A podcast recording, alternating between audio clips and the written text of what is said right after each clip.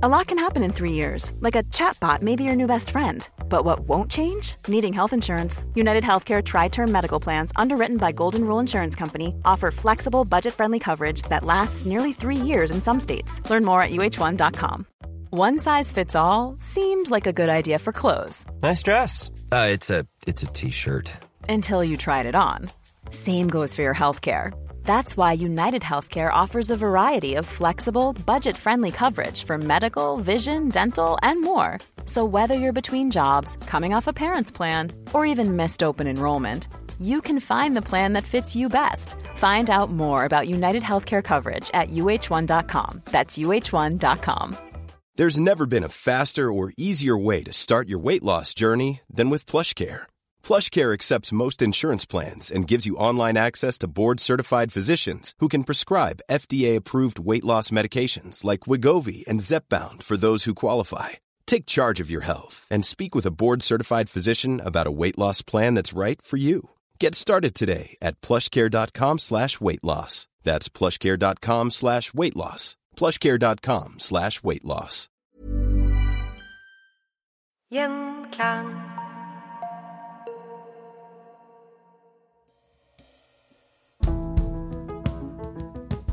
I The Picture of Dorian Gray fra 1890 skriver Oscar Wilde det var opiumbuler hvor man kunne kjøpe glemsel. Steder hvor grusomhetene fra gamle synder kunne bli ødelagt av galskapen til de nye. For slutten av 1800-tallet var tiden for overdreven bruk av narkotiske midler. Dette var tiden kalt The Great Binge. Man fant også ut at opiumsvalmuen gjemte flere herligheter enn bare opium. Kodein, morfin og heroin. Heroin, sa de, skulle hjelpe mot opiumens avhengighet, fordi heroin selvsagt ikke var avhengighetsskapende. Nå skal det sies at opp gjennom årene var flere som kjempet for både begrensning og forbud av narkotika og alkohol, selv om det som regel bare var alkohol som ble berørt. Men da verden gikk inn i det tyvende århundret, begynte ting sakte, men sikkert å endre seg. Mange av verdens land samlet seg i Haag for å meisle ut noen regler, og ved Haag-konvensjonen i 1912 ble de fleste landene enige om at opium, morfin og kokain kun burde brukes på legitimt medisinsk grunnlag. De fleste land skrev under, utenom Tyskland, som tjente godt på farmasøytbransjen sin. To år senere, i 1914, hadde de fleste glemt denne konvensjonen, for da var det andre ting på horisonten som umiddelbart krevde oppmerksomheten. Velkommen til Historier som endret verden. I dag, som en del av vår miniserie om den første verdenskrig, skal vi snakke om narkotikabruk under The Great War. Og med oss på besøk har vi Eirik Brazier. Velkommen. Takk. Var bruk av narkotika vanlig blant soldatene helt fra begynnelsen av krigen? Det er litt sånn usikkerhet knyttet til hvor utbredt det var. Eh, nettopp fordi at eh, myndighetene i de krigførende land ikke hadde noe behov for å annonsere at de, de dopet ned, eller ga i hvert fall narkotika til soldatene sine. Men vi kan være sikre på at det ble brukt ganske utstrakt allerede fra det første krigsåret. Eh, Først og fremst fordi at uh, ulike former for narkotika var å finne i det medisinske Altså medikamenter og sånn som ble sendt uh, til fronten, og som ble brukt for å bedøve smerter og behandle sårede soldater. Um, så sånn som kokain og morfin var jo en naturlig del av Uh, dietten. Si, dietten, eller ja, av, uh, av måte, uh, innholdet i ethvert velrenommert feltsykehus vil jo ha det. I ulike eller mindre, større og mindre mengder. men vi vet jo også at soldatene brukte det, eller fikk det ofte u, si, ubevisst tildelt i form av små piller eller små ting de skulle drikke.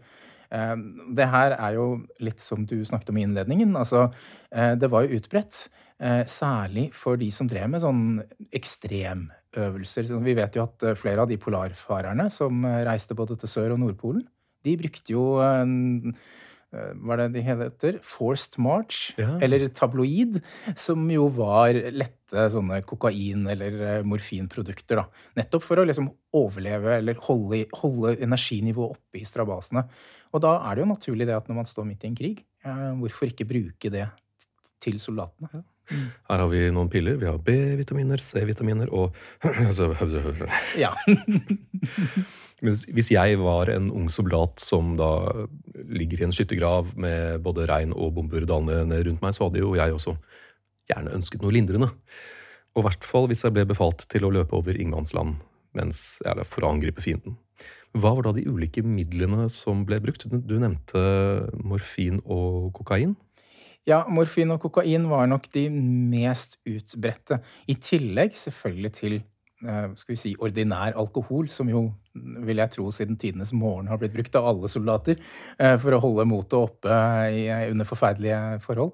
Eh, men noe av, poenget med kokain er jo nettopp det at det var, det var veldig utbredt brukt i medisinen og til å behandle Eh, altså, vi ser jo selvfølgelig ganske forferdet på det i dag, men altså behandle mindre si, sykdommer eller eh, altså forkjølelse eller hva det nå enn skulle være, så var det jo ikke noe, det ikke noe forbud mot den type eh, medikamenter. Og dermed så, så, hadde jo soldatene også tilgang til det. Eh, vi vet jo at eh, blant flyvere blant annet, så var det veldig populært å bruke det eh, for å holde seg våkne og holde energinivået oppe. Eh, og vi vet at eh, australske soldater fikk det før de gikk i land på Gallipoli. Eh, for å holde, igjen da, for å holde liksom ting i gang og, og, være våkne når de skulle gå i kamp. Og, og, også kanskje dempe litt av den redselen som var der. Mm. Um, men det er nok viktig at vi også skiller mellom si, to måter. Den ene er det som soldatene fikk av offiserer, eller som sirkulerte kanskje blant soldatene selv. Eh, men så er det jo også det at det ble brukt mye morfin og kokain å, i behandlingen av sårede soldater. Mm. Um, og eh, der var det nok også veldig mange som uh, Altså helsepersonell som ikke, rett og slett ikke var godt nok trente, og som overmedisinerte, og som skapte avhengighet hos veldig mange. Og en av de kjente der var Herman Gøring, som overlevde en flystyrt og ble avhengig, og så klart ble, hadde en viss rolle i en viss krig senere. Eh, jeg skjønner jo at nasjonene bruker eh, alle mulige tilgjengelige midler for å vinne, men eh, jeg leste også at det var reklamer rundt om, i hvert fall rundt om i England, som anbefalte foreldre å sende narkotika til barna sine ved fronten. At det var såkalte ferdigpakker man kunne sende. Var det det? Ja, altså det var jo faktisk en av de større, mer fasjonable eh, forretningene i London eh, som hadde sånne små kurver, da, fullt utstyrt med, med, med, med alt du trengte for å, for å ta, ta, det du enten altså helst kokain eller, eller, morfin.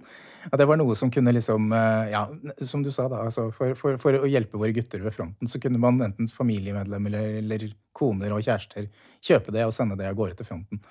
Um, det, men det er jo også et sånt eksempel nettopp på det at uh, den produksjonen av den type narkotiske stoffer var ganske utbredt i, uh, i Europa før krigen. Um, noe av problemet i Storbritannia og en del av de andre krigførende landene var jo at når krigen kom, så ble jo forsyningslinjene til koloniene brutt. Mm. Så denne internasjonale handelen med f.eks. coca-blader, eller det, det, man trenger, da, den ble brutt.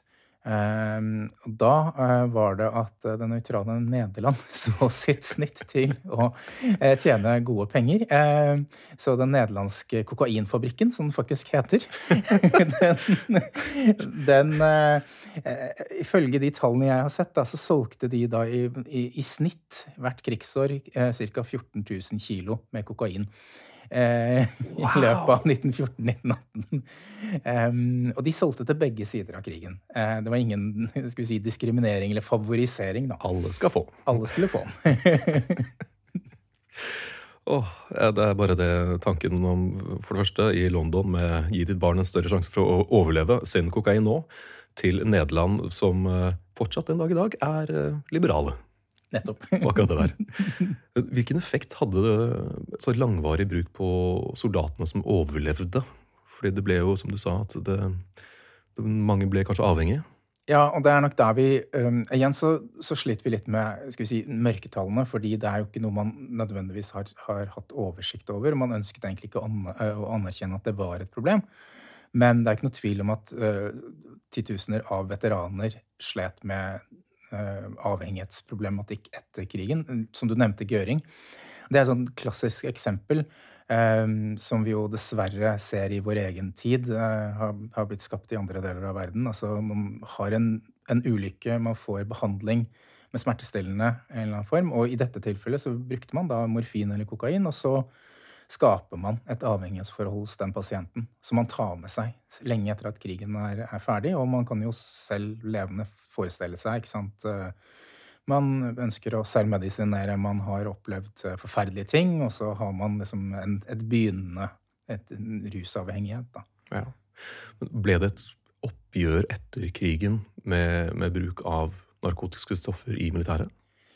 Det ble mye strengere. Si at, uh, det har jo blitt sagt at verken før eller siden har man sett at, den, at det militære har brukt så mye rusmidler uh, som under første verdenskrig.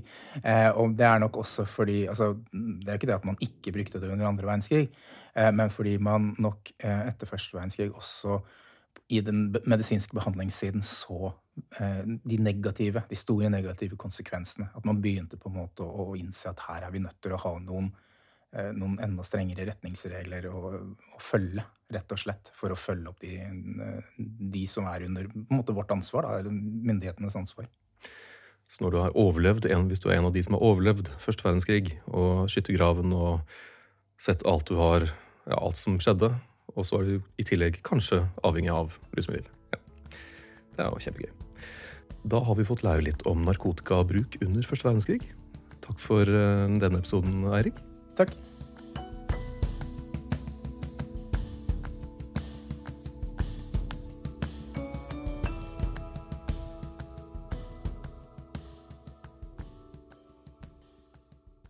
Gjenklang.